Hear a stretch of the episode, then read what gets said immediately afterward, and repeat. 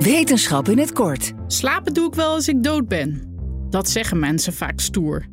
Maar als je die dood nog heel even wil uitstellen, luister dan verder. Want een goede slaap verbetert je cognitieve en fysieke functies.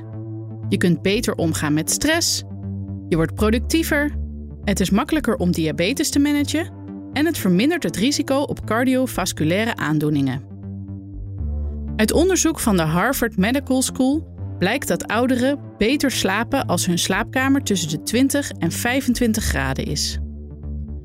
Op die temperaturen is hun slaap efficiënt, het langst en het rustigst.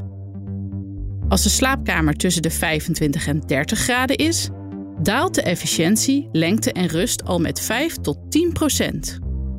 Al zeggen de wetenschappers dat de ideale temperatuur varieert per persoon. Wil je elke dag een wetenschapsnieuwtje? Abonneer je dan op Wetenschap vandaag. Luister Wetenschap vandaag terug in al je favoriete podcast-apps.